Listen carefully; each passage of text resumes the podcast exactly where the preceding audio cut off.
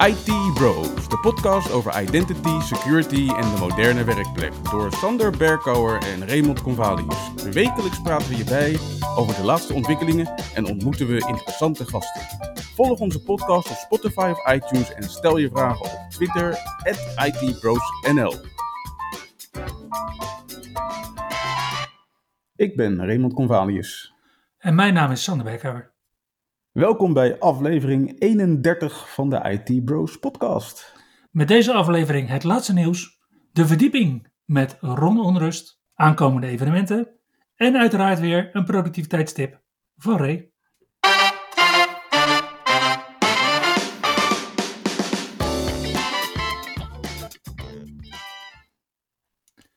Hey Ray, volgens mij zijn we helemaal bij uh, qua Windows 11. Ja, het was uh, de week van het nieuws over Windows 11, zou ik bijna zeggen, over de afgelopen week. We kregen uiteraard weer een nieuwe beeld in de Windows Insider Preview. Maar niet op donderdagavond. Nee. Ik zat uh, donderdagavond zat ik uh, driftig uh, te klikken in de update component van, van Windows 11, maar geen update. Die kwam uiteindelijk op zaterdag met beeld 22.168. Wat trouwens maar een hele kleine stap was ten opzichte van de beeld daarvoor, want dat was 22.162. Mm En ja, zoals je dan bijna kan verwachten, daar zaten niet zo heel veel verbeteringen in. Althans, ik heb ze niet echt gevonden. De dingen die uh, uh, niet goed werkten bij mij, die werkten nog steeds niet goed bij mij. Belangrijkste verbetering voor mij was trouwens wel dat deze versie van Windows 11 bij mij niet is gecrashed. Wat bij de versie daarvoor nog wel een aantal keren in die week het geval was geweest. Oké. Okay. En dan draai jij Windows 11 nog wel op ondersteunde hardware? Ja, op een uh, service laptop zou je denken dat het prima gaat werken. Maar goed, ook wat dat betreft uh, heeft Microsoft nog het een en ander te doen volgens mij voor Windows 11. Want ik heb ook een Surface Dial, weet je wel, zo'n zo'n draaiknop. Mm -hmm. En die wordt uh, op dit moment uh, niet gesupport, althans de support is stuk in Windows 11. Als je naar uh, de settings gaat van de Surface Dial, dan crasht de settings app van Windows 11. Dus ik hoop dat ze dat een van deze dagen gaan fixen. Dat is toch geen bug, Ray? Dat is een denial of service vulnerability. Bijna wel, ja. Maar goed, ondertussen heeft Microsoft wel bekendgemaakt dat de GA-datum bekend is voor Windows 11. En dat is al heel snel. 5 oktober. Vijf, ik, ik, krijg een beetje hetzelfde gevoel, een beetje hetzelfde gevoel als bij Windows Server 2022. Dus ik ga dezelfde vraag stellen. Wat betekent GA voor Windows 11? Ze gaan het dan langzaam maar zeker verspreiden over de clients die automatisch Windows updaten. Met alle kekke nieuwe functionaliteit erin, toch? Ja, soort van. Nou ja, ik zeg wel ja. Uh, Microsoft had aangekondigd dat Windows 11 Android apps ging supporten. Dat is opgeschoven naar 2022. Dus voorlopig krijgen we die nieuwe feature nog niet mee. Wat we wel mee krijgen is uh, de nieuwe taskbar. En een hoop nieuwe functionaliteiten rondom uh, multiple desktops. Allerlei nieuwe widgets en uh, mooie nieuwe icons. Alright. Wat ik ook las is dat Windows 11 toch geïnstalleerd gaat kunnen worden op niet ondersteunde hardware. Dat is ook zo'n verhaal van de afgelopen week. Microsoft heeft in ieder geval een update uitgebracht over de hardware die ze gaan uh, ondersteunen. Dat is één, daar lijkt iets meer duidelijkheid over. Ze hebben een lijst van ondersteunde processoren gepubliceerd. En ze hebben zeg maar een soort van generieke hardware requirement list gepubliceerd. Dus je moet nu uh, 4 gigabyte RAM hebben, 64 gig diskruimte, DirectX 12 support. Je moet UWFI met Secure Boot hebben. Een TPM 2.0. En dat is eigenlijk ja, redelijk generiek, denk ik. Ja, spreekt aardig voor zich. Alleen wordt er wel zeg maar, een lijst processoren vrijgegeven waarbij de meest opvallende omissie het ontbreken van de AMD Zen 1 processoren is. Dat toch volgens mij een redelijk recente processor is. Ja. Dan gaat het gerucht dat Microsoft zegt van oké, okay, als je hardware officieel niet gesupport wordt voor Windows 11, dan kan je de ISO downloaden en deze handmatig installeren. Dat gaan we niet voor je doen met Windows Update. Oké. Maar is het gerucht, dan zou Microsoft je geen updates gaan leveren. En, en daar is nu discussie over van, van klopt die mededeling wel? Want dat is volgens mij iets wat is gepubliceerd in PC Mac. Mhm. Waarbij Microsoft zoiets, zoiets zou hebben gezegd als... eh, als jij Windows 11 installeert op unsupported hardware... dan staan wij niet garant voor een goede werking van de updates. En dat is door PC Mag vertaald als van nou, dan krijg je geen updates. Maar ik denk niet dat, dat Microsoft dat zo bedoeld heeft. Maar goed, eh, ja, wat, wat is klaar? Als je het mij vraagt, krijgen we in ieder geval de officiële release van Windows 11 op 5 oktober. Of het klaar is, nou, ik denk dat eh, software als Windows 11, sowieso is het nooit klaar. En het is natuurlijk eh, Windows as a service, dus we zullen nog de, de nodige updates gaan zien de maanden na 5 oktober. Als je het mij vraagt, is het belangrijkste doel wat ze behaald hebben door het op 5 december of op 5 oktober te releasen, is dat het eh, klaar is om op de feestdagen op nieuwe computers te worden uitgeleverd. Zoals op 5 december. Ja. Precies. Nou, we hebben natuurlijk ook gezien dat Windows Server 2022 gereleased is. Het is nu ook beschikbaar. Niet alleen via het Volume License Service Center, maar ook voor MSDN-abonnees en ook als virtual machines in Azure Infrastructure as a Service. Dus ja, je kunt het nu breed gaan gebruiken. En Microsoft geeft ook in de support lifecycle aan dat Windows Server 2022 dus vanaf 18 augustus al beschikbaar was voor ons allemaal. Oké. Ja, laten we hopen dat ze Windows Server 2022 niet hoeven terug te trekken. Zoals ze dat hebben gedaan met Windows Server 2019 toen de tijd. Maar die kans die lijkt klein, ook omdat er al een hele versie minder is van Windows Server 2022. Want voor al die organisaties die gratis virtualiseren op basis van Hyper-V Server, is er slecht nieuws. Er komt en er is geen Hyper-V Server 2022. Microsoft geeft aan dat je hiervoor terecht kunt bij Azure Stack HCI. Tja. En dan wel voor 9 euro per fysieke CPU per maand. Ja, waarbij de kleinste Azure Stack commercial offering toch al gauw richting de 4 ton gaat. Net niet gratis. Nee, net iets anders dan de gratis Hyper-V server. Inderdaad. Kijk, aan de andere kant denk ik niet dat er heel veel organisaties zijn die Hyper-V server gebruikten om bijvoorbeeld alleen maar Linux virtual machines te virtualiseren. En dat zou dan inderdaad een casus kunnen zijn waarvoor het daadwerkelijk ook gratis blijft. Op het moment dat je inderdaad Windows Server virtual machines gaat draaien, dan zie je toch wel heel snel dat het loont om naar een Windows Server Data Center license te gaan. En tja, dan kun je ook net zo goed die Windows Server Data Center license gebruiken om het operating system te installeren op de hardware. Tja, dat lijkt mij ook. Nu heeft Microsoft onlangs een 64-bits versie van OneDrive voor Business Client beschikbaar gemaakt. Yes, Go 64. Ja, net als Windows Server, weet je wel. Windows Server 2012 was ook nog maar 64-bit only. Het heeft even geduurd voordat deze versie er was. Dit, was, dit is echt al een verzoek van jaren, weet ik, dat eh, dat, dat er Mhm. lag bij Microsoft. Maar in ieder geval, hij is er. De 64-bits versie van de OneDrive client.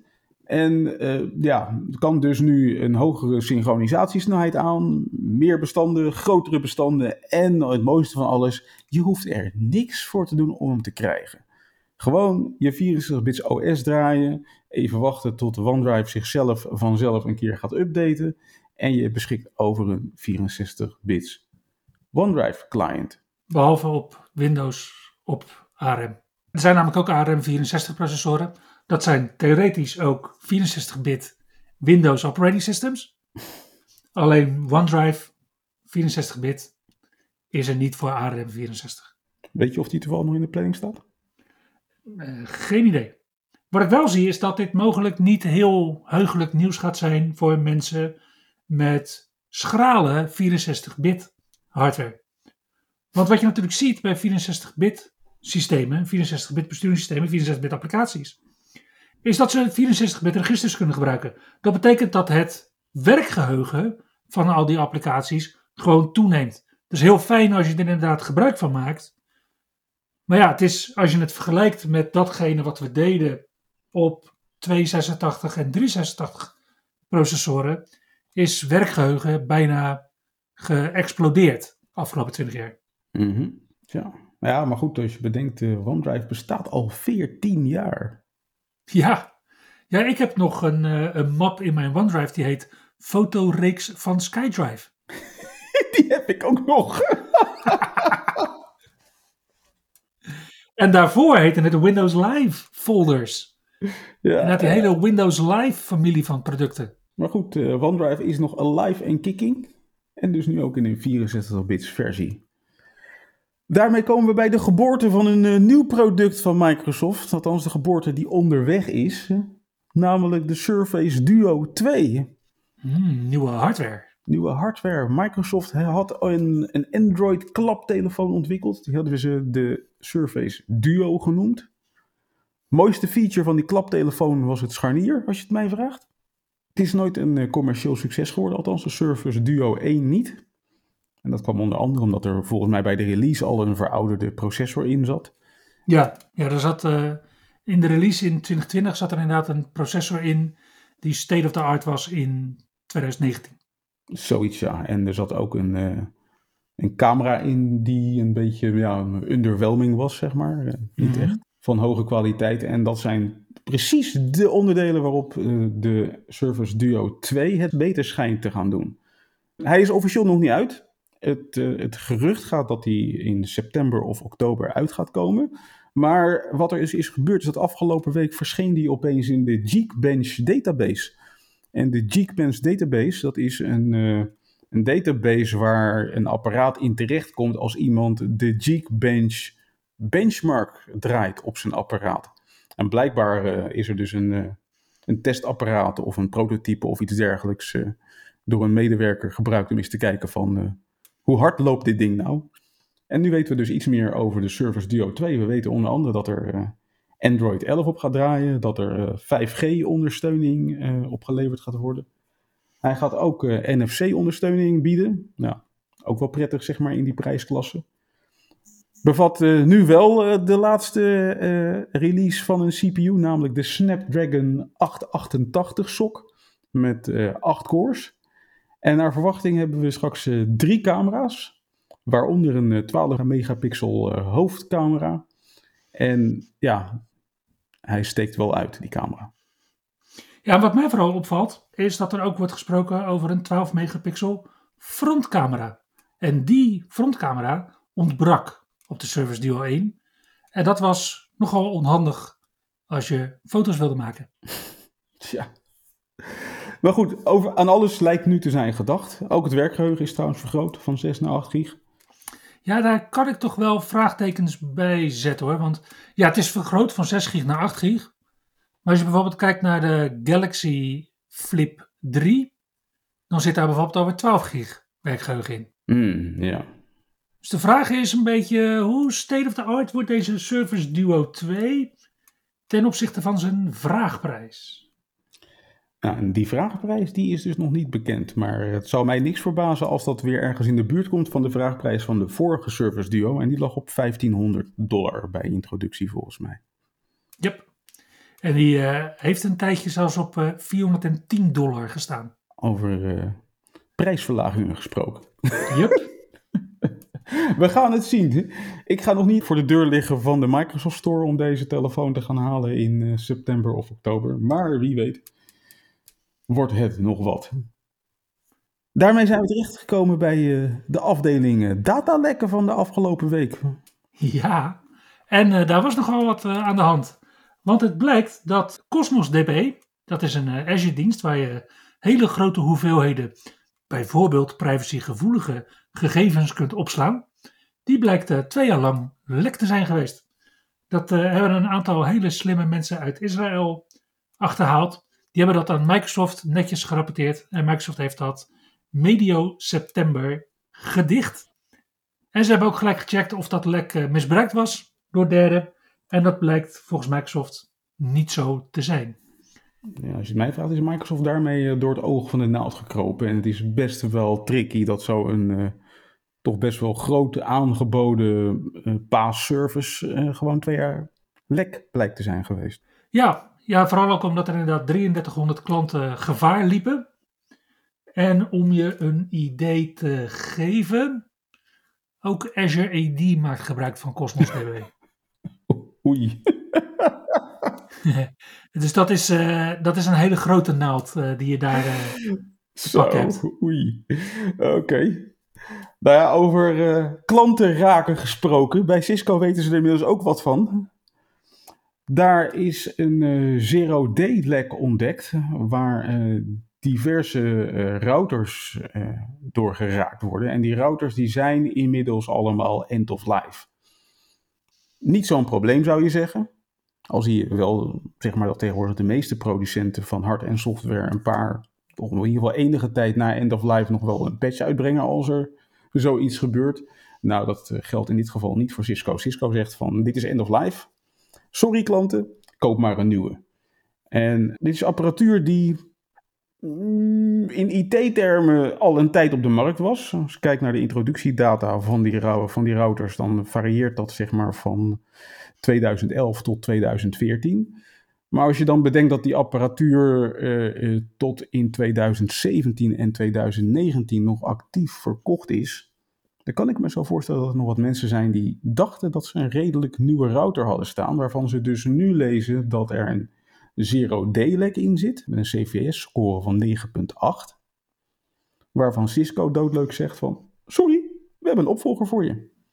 Dus beschik jij over een Cisco-router van het type RV110W, RV130 of 130W of de RV215W, dan wordt het tijd om te upgraden naar iets nieuws. Ja, en Cisco biedt daarvoor de RV132 of de RV160W aan. Dit zijn niet de meest dure apparaten. Als je online zoekt, dan vind je ze tussen de 125 en 175 euro. Maar het grote probleem wat we hier zien is dat heel veel organisaties dit type router hebben aangeschaft en hebben neergezet op buitenlocaties. Waar ze prima voor doen, omdat het allemaal VPN-routers zijn met al dan niet wireless en wifi erop. Dus voor een verkoopkantoortje bijvoorbeeld, voor een autodealer, is het prima. Dan zijn ook die kosten voor de vervanging van een router zijn niet de grote kosten voor deze vervanging. Dat is namelijk de engineer die daarvoor op pad moet gaan om die dingen te vervangen. Het kritieke lek zit hem in de Universal Plug-and-Play functionaliteit op deze vier type routers. En alleen deze vier type routers zijn daarvoor ook kwetsbaar.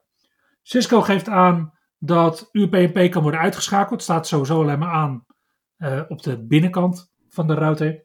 Maar ze zeggen ook dat dit mogelijk niet een volledige oplossing biedt. Ja, dus als je veilig doet, dan ga je deze router vervangen. En dan lijkt het natuurlijk uh, mee te vallen, doordat zo'n lek alleen op de interne netwerkkaart van zo'n router aan te vallen is. Maar we weten allemaal dat er niet zoiets bestaat als een veilig netwerk. Als we kijken naar ransomware aanvallen, dan zien we dat juist een ongesegmenteerd netwerk snel te prooi valt. En een van de dingen die we wel kunnen doen, is goede antivirus software uitrollen en die software centraal beheren. En daar heeft Microsoft nu goed nieuws, want er komt een Microsoft Defender voor Endpoint abonnement. En dat is een subset van de grotere, uitgebreidere Microsoft Defender for Endpoint suite. En die MDE P1 wordt standaard onderdeel van elke Microsoft 365 E3 subscriptie. Yes. En daar word ik heel blij van. Want dan hebben we nu eindelijk gewoon een portal waarop we gewoon kunnen zien wat de security status is van onze machines, ook gewoon binnen een E3-licentie. Mm Ja. En niet alleen dat, we hebben ook gewoon meteen attack service eh, reduction erbij.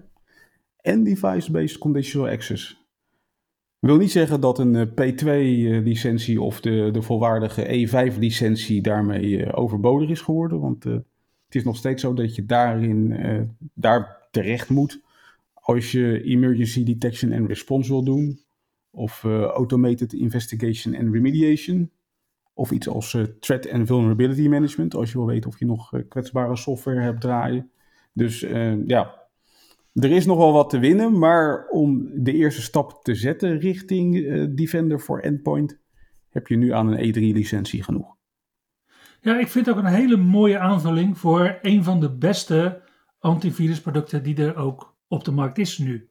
En dan vinden mensen me waarschijnlijk weer een onwijze Microsoft fanboy als ik dat zeg. Maar dit komt gewoon uit onafhankelijk onderzoek. Waarbij Windows Defender een van de vijf antivirusprogramma's is met een 100% score. Avast, Kaspersky, Northgard en Norton LifeLock waren de andere vier. En als ik zo dat lijstje oplees, dan denk ik van, ja, daar zitten er ook wel een berg tussen zonder centrale beheercomponent. En dat is nu iets wat Microsoft aan zakelijke klanten wel gaat bieden. Mocht je nu in je licentiedashboard zien dat je losse Office 365, EMS en Windows licenties hebt, dan zou het best wel eens een goed tijdstip kunnen zijn om die te gaan omwisselen voor Microsoft 365 licenties. Dat denk ik ook. En uh, Sander, hadden we nog wat te melden in de afdeling datalekken van de afgelopen week? Nou, voor Nederlanders deze keer niet. Maar als we kijken naar de Indonesische COVID-test en trace-app van reizigers, dan is daar toch wel een grote boeboe gemaakt, in mijn ogen. Ja, ja, ja, ja, ja. ja die, die app die heet trouwens e-hack. What in the name? Mm en uh, ja, de uh, organisatie VPN Mentor, of het VPN Mentor team, heeft ontdekt dat ja, de, de Indonesische overheid heeft voor het ontwikkelen van deze app gebruik gemaakt van het uh, Google Elasticsearch platform. Alleen waren ze vergeten om hem te, te beveiligen. Met als gevolg dus dat alles open stond en uh, ongeveer 1,4 miljoen records van uh, reizigers uh, van en naar en binnen Indonesië. Mm-hmm. Met paspoortnummers, COVID-testresultaten, ziekenhuis-ID's, namen, geboortedata, burgerlijke status, alles erop en eraan. Stond dus open en bloot in die database. Het verhaal werd nog lelijker toen bleek dat VPN Mentor Team, toen ze het hadden ontdekt, dachten van nou, hier gaan we het uh, ministerie van Volksgezondheid uh, over waarschuwen. En toen konden ze het ministerie van Volksgezondheid niet bereiken. Althans, die reageerden niet op de mails. Toen zijn ze vervolgens verder gaan zoeken. Toen hebben ze het uh, Emergency Response Team benaderd van de Indonesische overheid. Die reageerden ook niet. En uiteindelijk zijn ze terechtgekomen bij weer een andere partij van de, de Indonesische overheid. En die heeft uiteindelijk voor gezorgd dat de juiste instanties zijn ingelicht en dat ze deze database meteen hebben platgelegd. Terwijl als je kijkt, ze dat misschien sneller zelf hadden gekund. Want ook van de beheerders van eHack waren de accountnamen, mailadressen en voor geworden gelekt.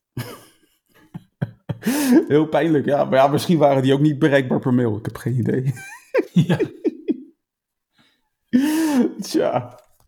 Nee, maar dit, dit, is wel een, uh, ja, weer eentje van een, een van de grotere datalekken. En ja, bijna vergelijkbaar met wat ze hier in Nederland bij de GGD hebben gedaan in de tijd. En dan te bedenken dat er complotdenkers zijn die denken dat de Nederlandse overheid de vaccinaties misbruikt om nanobots en weet ik veel wat te injecteren. Nee mensen, het is een overheidsproject. Nee, precies. Daar komen ze nooit uit, uit die requirements vaststellen. Maar goed. En dat het niet alleen misgaat bij overheden, dat blijkt wel wanneer we kijken naar wat uh, de crypto-exchanges aan het doen zijn. Want uh, afgelopen week was het mis bij Cream Finance. Cream Finance is een uh, ja, decentrale finance instelling. Dus handelaar in crypto.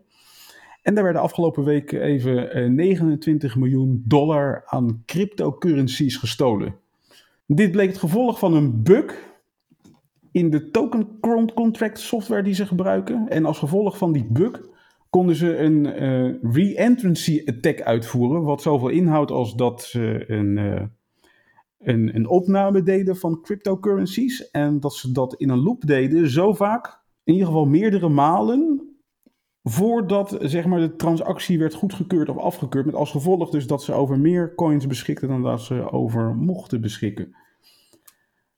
Uiteindelijk zijn ze dus op die manier 29 miljoen dollar aan crypto's kwijtgeraakt. En het lijkt er ook op dat dit soort bugs voor een steeds grotere schade zorgen in de cryptowereld. Afgelopen jaar, 2020, was dat al 21% van de gestolen fondsen. En het lijkt erop dat dit jaar eh, een, een groeiende hoeveelheid uh, gestolen cryptocurrencies het gevolg zijn van bugs in uh, ja, de software die als basis dient voor, voor het handelen in cryptocurrencies. -hmm. En vorige week hadden we het natuurlijk over Poly Network en Liquid. Ja, ik heb nog even gekeken of, of Liquid zijn, uh, zijn belofte is nagekomen. Want ik, ik vond het opvallend vorige week dat Liquid zei van nou, uh, 31 augustus, dan zijn wij gewoon weer in de lucht. Of 30 augustus.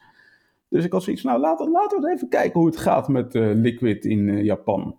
En ze zijn weer in de lucht. Althans, weliswaar nog met een beperkt aantal cryptocurrencies. Maar ze geven aan dat het aantal cryptocurrencies waarmee gehandeld kan worden de komende dagen verder wordt uitgebracht, uitgebreid. Wat wel het geval is dat iedereen die handelt bij Liquid moet een nieuw walletadres aanvragen. Dus als jij geautomatiseerd je transacties deed naar je wallet bij Liquid in Japan, dan zou je die geautomatiseerde transacties even opnieuw moeten configureren, want je krijgt een nieuwe wallet met een nieuw adres. Maar ze zijn hun belofte wel nagekomen en ze zijn weer in de lucht. Dus uh, ja, toch een happy end voor deze Japanners, als ik het zo uh, mag uh, lezen. Want niemand is zijn geld kwijtgeraakt. nice.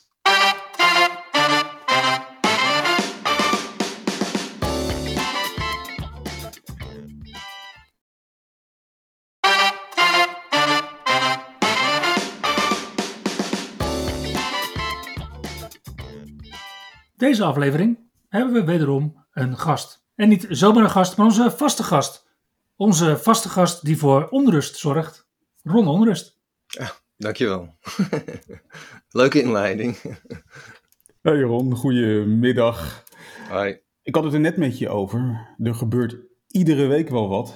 Maar uit, uiteraard zijn, zijn jou ook alweer de afgelopen week, maanden, maand moet ik zeggen, wel weer wat dingen opgevallen. Waar uh, zullen we het deze week eens over hebben? Nou, om het even af te trappen, de mededeling van Microsoft dat ze de Office app, die uh, voor Android, maar dan uh, voor Chrome OS, hè, dus, het, dus die gaan ze terugtrekken uit de Google Play Store. En dat is een uh, merkwaardige beslissing, want ehm, ja, dat, eigenlijk zorgde die app ervoor dat je nog een beetje native-achtig met Office kon werken op, op een Chromebook.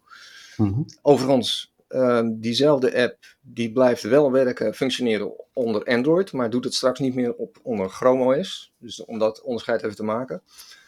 Maar die halen ze dus terug uit, uh, uit de Play Store. En uh, ja, dat betekent zometeen dat je geen goede app meer hebt, voor, geen Office app meer op een Chromebook.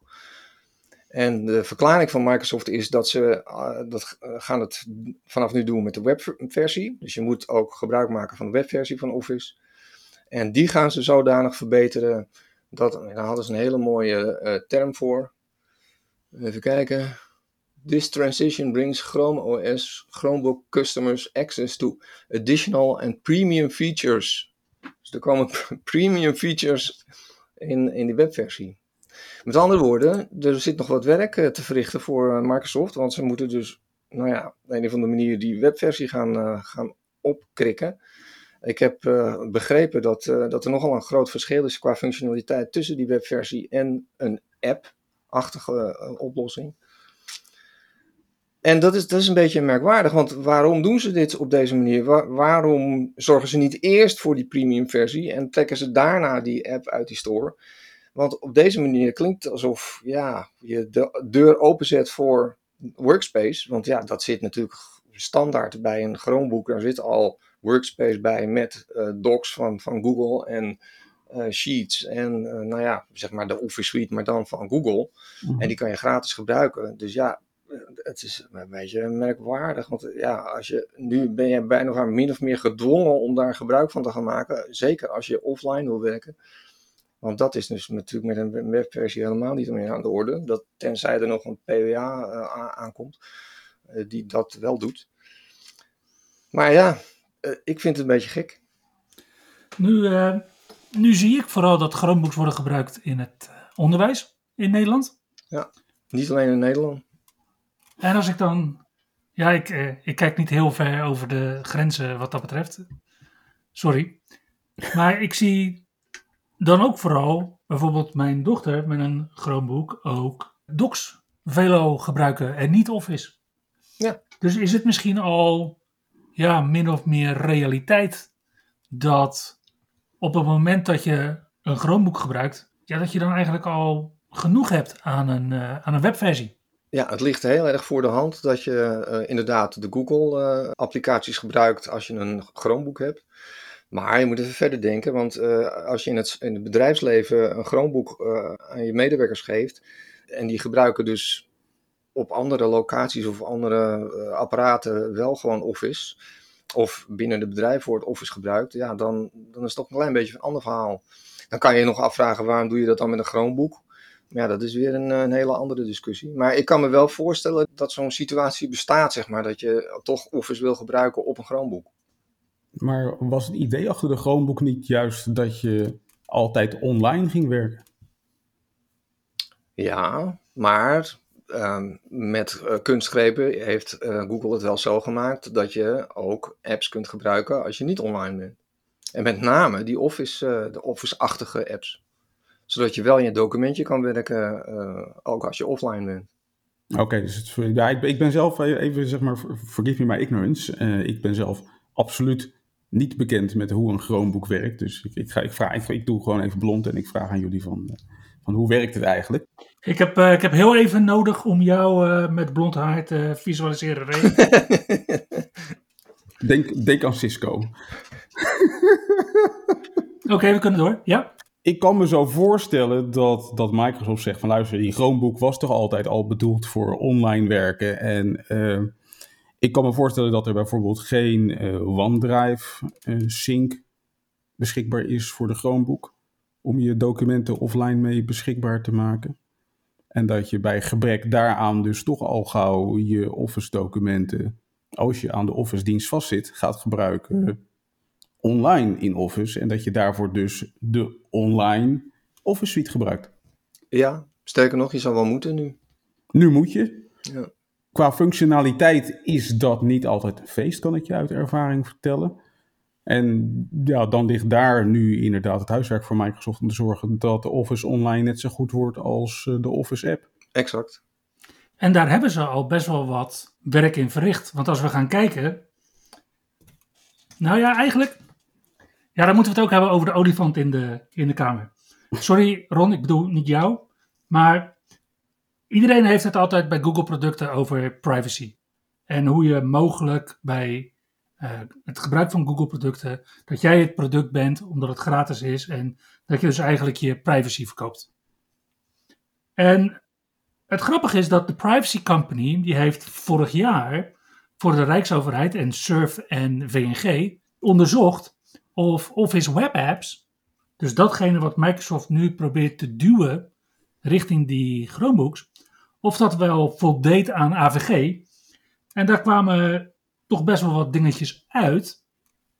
En dus heeft de Rijksoverheid toen op een gegeven moment gezegd: ja, de Office Web Apps mogen niet worden gebruikt binnen de Rijksoverheid. En aangezien SURF en VNG ook aansloten bij dat advies, dus ook eigenlijk niet in onderwijs in Nederland. Oh. Nu heeft Ernst Young in april van dit jaar de audit uitgevoerd, want Microsoft zei, nou, nou dat gaan we anders doen. Dankjewel voor de feedback, zeggen ze dan eh, netjes in eh, Redmond. En daarbij blijkt dat Microsoft al die punten heeft aangepakt. Dus misschien dat dat er ook wel mee heeft te maken dat daar de weg nu voor vrij is om dat daadwerkelijk ook in te zetten. Ten opzichte van de normale apps. Hmm, interessante informatie. Ja. En de andere olifant in de kamer, ja, jij Ray, is dat ehm, dit natuurlijk wel strookt met de Zero Trust principes vanuit Microsoft, waarin je dus geen data op het apparaat hebt. Ja, ja de- je moest toch al online zijn, denk ik, voor de meeste Office documenten. Ja, als je ze niet op, op Google Drive staan dan tenminste. Mhm. Aan de andere kant, wil je zeg maar de volledige functionaliteit uit Office online halen, dan moet je volgens mij tegenwoordig een Microsoft 365 abonnement hebben. Ja, Oké. en dat mag met de recente licentiewijzigingen geen F3-licentie meer zijn op een Chromebook, want die heeft een schermdiameter van meer dan 10 inch. Dus dat zal dan inderdaad een E1 moeten zijn, minimaal, inzakelijk. Of inderdaad een, eh, ja, een A1 voor onderwijs. Oké. In ieder geval, wat ik begreep, is dat eh, Google het helemaal niet erg vond dat Microsoft deze stap vond. En dat vond ik nog wel het meest opmerkelijke aan dit nieuws. Ja, dat klopt. Ja. Wij zijn heel blij met de premium features, zei- was de reactie. Ja. Ja, ja, ja, ergens, ergens zit hier een adder onder het gras, maar ja. Goed, ja, als we dat toch hebben over de, de macht van de grote twee, eh, ja, Google en, en, en Apple. En ook, ook Apple is wat, wat aan, het, aan het bewegen, als ik het zo lees de afgelopen dagen met hun App Store. Ja, dus zij zijn in onderhandeling gegaan met vertegenwoordigers van ontwikkelaars. En, en ze liggen daar natuurlijk mee overhoop met die ontwikkelaars. Eh, met name in de rechtszaal eh, worden nou ja, harde gevechten gevoerd over de App Store. Die, die ontwikkelaars die moeten allemaal 30% afdragen over de eerste 1 miljoen eh, omzet die ze eh, maken in die App Store. En dan eh, wordt het 15%. En dan nog, heel belangrijk, Apple die zegt... Je mag op geen enkele andere manier inkomsten ehm, verdienen. Hoe zeg Genereren. je dat? Genereren, dank u wel. Dus, eh, en dat is natuurlijk een beetje vreemd. Want ja, je mag alleen maar bij ons eh, eh, je spullen verkopen en niet op een andere manier. En wij willen dus altijd die 30% kunnen afromen. En ja, en daar, daar liggen ze overhoop met met name gameontwikkelaars. Epic hè, is een goed voorbeeld. Die hebben gezegd van nou wij dan, dan, dan maar geen... eerst hebben ze de, de knuppel in het hoenhoog gegooid door te zeggen van in de app. Zo van nou, als je, eh, het kan goedkoper als je het bij ons eh, rechtstreeks eh, abonnee wordt. En toen eh, heeft Apple ze eruit geflikkerd uit, die, eh, uit de App Store. En toen werd het een rechtszaak en nou ja, dat is helemaal geëscaleerd. Maar lang verhaal kort, nu zijn dus die ontwikkelaars, die hebben om tafel gezeten met Apple en die hebben een schikking, eh, een schikkingsvoorstel is het eigenlijk gemaakt. Want eh, de rechter moet daar nog eh, goedkeuring aan eh, verlenen. En eh, een van de belangrijkste dingen die daarin staan, in dat schikkingsvoorstel, is dat de ontwikkelaars wel mogen vertellen eh, dat er andere eh, betaalmogelijkheden zijn. Dus om een abonnement af te sluiten. Alleen dat mag dan, en dat is dan weer de voorwaarde van Apple, dat mag niet in de app. Dus je mag wel op je website bijvoorbeeld vertellen van nou, je mag, je, word hier lid.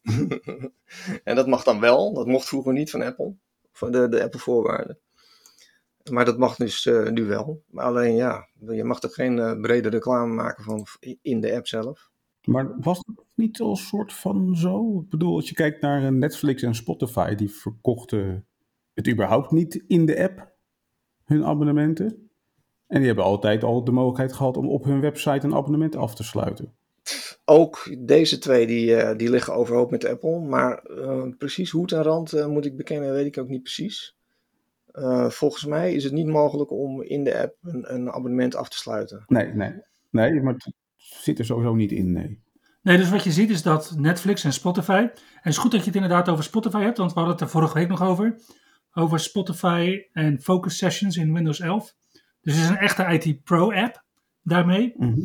Die bieden alleen maar de mogelijkheid om een abonnement aan te gaan op hun website.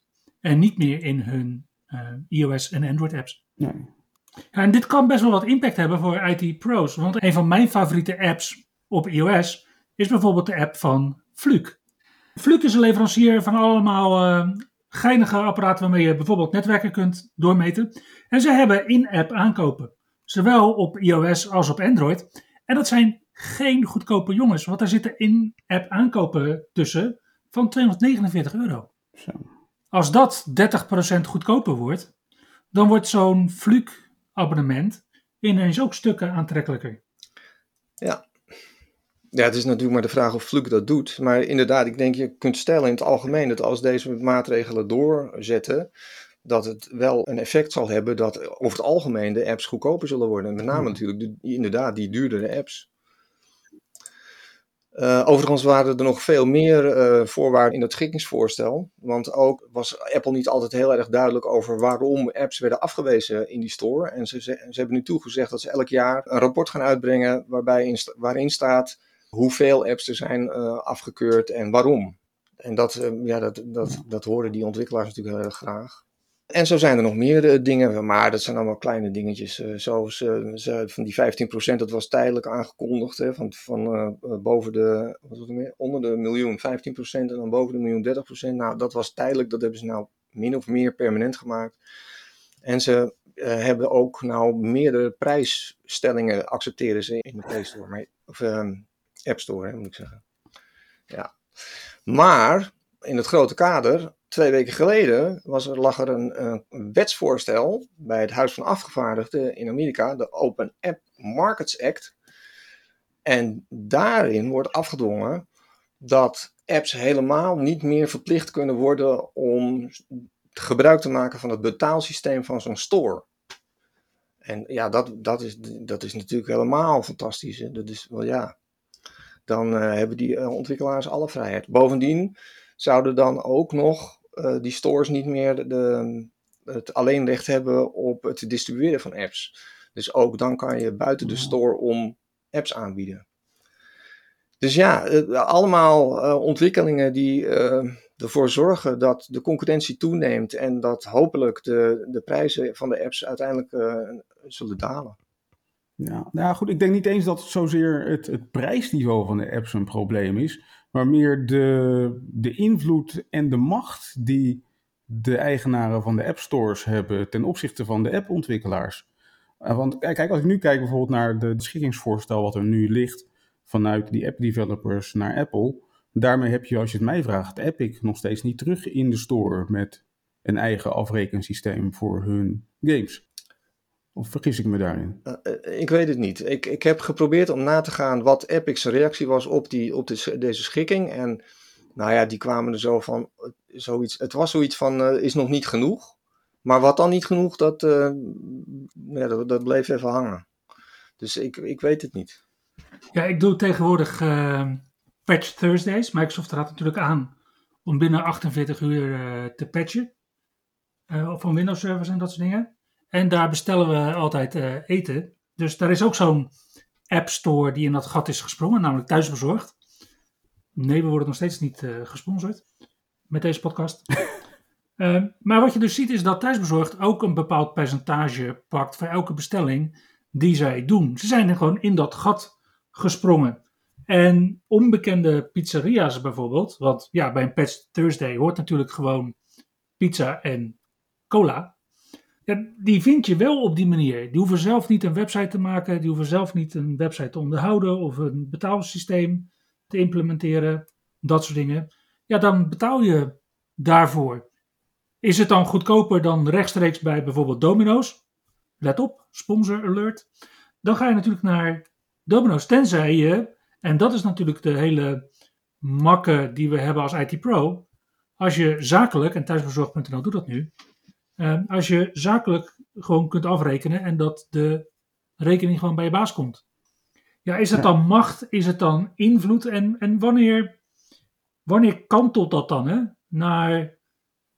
Ehm, nou ja, kijk, als je het dan toch hebt over iets als thuisbezorgd. Het moment dat thuisbezorgd dus nu een app zou uitbrengen in de App Store bij mhm. Apple om je eten te bestellen, dan zou dus eerst 30% naar Apple gaan. Dan 15% naar thuisbezorgd. En dan is de rest voor het restaurant. Hè? Ja, maar Ray. En volgens mij gaat er dan iets scheef lopen. Zeker als het restaurant op een gegeven moment nog geld wat wil gaan verdienen aan, aan het eten wat ze verkopen. Ja, en dan moet je ook nog bedenken uh, hoeveel Apple verdient hè, aan, uh, aan deze store. Er is gewoon een thuisbezorgd app. Er is een thuisbezorgde app, maar moeten zij dan ook 30% van, het, uh, van de omzet afdragen? Nee, want zij, zij, gebruiken, zij gebruiken Ideal. Ja, maar dat maakt toch niet uit. Ik bedoel, Spotify kan ook Ideal gebruiken om jouw eh, abonnement eh, in rekening te brengen. Maar blijkbaar hoeft thuisbezorgd dus niet te betalen aan Apple. En Spotify wel. Hmm. Ja. Volgens mij eh, moeten we hier nog eens een keer dieper induiken met z'n allen. Bij thuisbezorgd betaal je natuurlijk niet voor een in-app aankoop. Je doet niet de functionaliteit van de app uitbreiden. Je doet er iets heel anders mee. Uh, Oké. Dus ja, en dat, uh, dat doet me denken aan een restaurant waarvan ik de menukaart laatst uh, zag. Waarbij ze alle burgers en dat soort dingen hebben hernoemd naar office supplies. Zodat je inderdaad een rekening krijgt, dat je dan gewoon kunt zien van nou, het was een setje potloden en het was een setje markers en, en wat gummetjes. En uh, dat je dat gewoon wat makkelijker kunt declareren. Ja, ja, ja. Nou, kan Spotify natuurlijk ook doen, hè? ja. Ja, precies. Ja. Goed. Hey Ron, uh, dankjewel uh, voor deze bijdrage. Ik denk dat het toch wel iets is om over na te denken. Hoe we dit uh, de komende jaren gaan zien veranderen in de app stores. En dan zien we je eind september hopelijk weer terug. Prima. Oké. Okay. Tot de volgende keer. Dankjewel. Dankjewel. Aankomende week hebben we één evenement op de planning staan.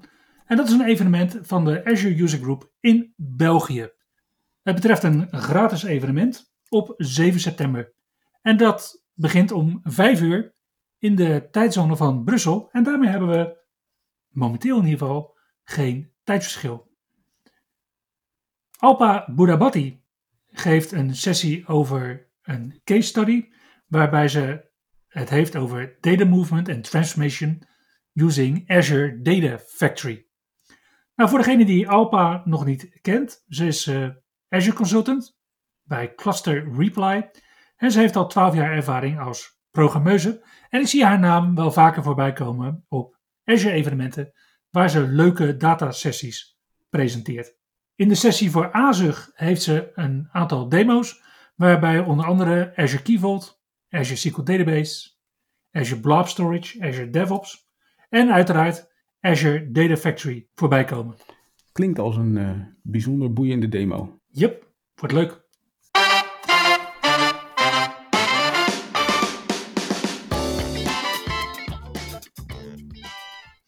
Hey Ray, wat is de productiviteitstip deze week? Voor deze week wilde ik een uh, eigenlijk vrij simpele toetscombinatie tevoorschijn trekken, namelijk Windows Home. En wat Windows Home doet, is dat hij alle vensters op je desktop minimaliseert, behalve het actieve venster. Dit kon je ook al doen, zeg maar, uh, zonder toetscombinatie. En namelijk door het uh, venster wat je wil behouden te schudden op je scherm. -hmm. Ja, dat is wat ik meestal doe. Ja. Shake dat window en dan uh, verkleint alles eromheen. En als je dan je vensters weer terug wil hebben, weer Windows Home en je hebt gewoon alle vensters weer terug. Ja, ik vind de Windows Home toetsencombinatie wel fijner op het moment dat je inderdaad een venster gewoon gepind hebt aan een zijkant of in een fancy zone bijvoorbeeld. Als je de Power Toys gebruikt. Je hoeft hem dan inderdaad niet eerst weer te slepen naar het midden en dan te shaken en dan weer terug te, te verplaatsen. Je kunt inderdaad gewoon blijven doorwerken met wat je aan het doen bent. Ja, en nou over uh, fancy zones gesproken. Dat tegenwoordig zit het gewoon in Windows 11 hè?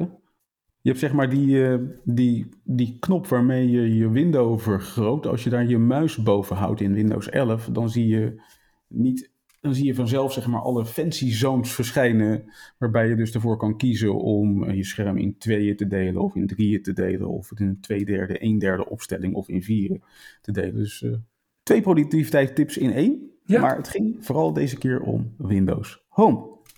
Top, dankjewel voor de tip Ray. Daarmee zijn we het einde gekomen van aflevering 31 van de IT Bros podcast. Bedankt voor het luisteren en tot de volgende keer. Doei doei.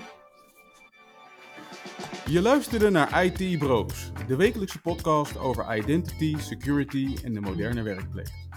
Abonneer je op Spotify, iTunes of Google Podcast als je de volgende aflevering niet wilt missen. Heb je hints of tips? Laat dan van je horen op Twitter. ITBrosNL.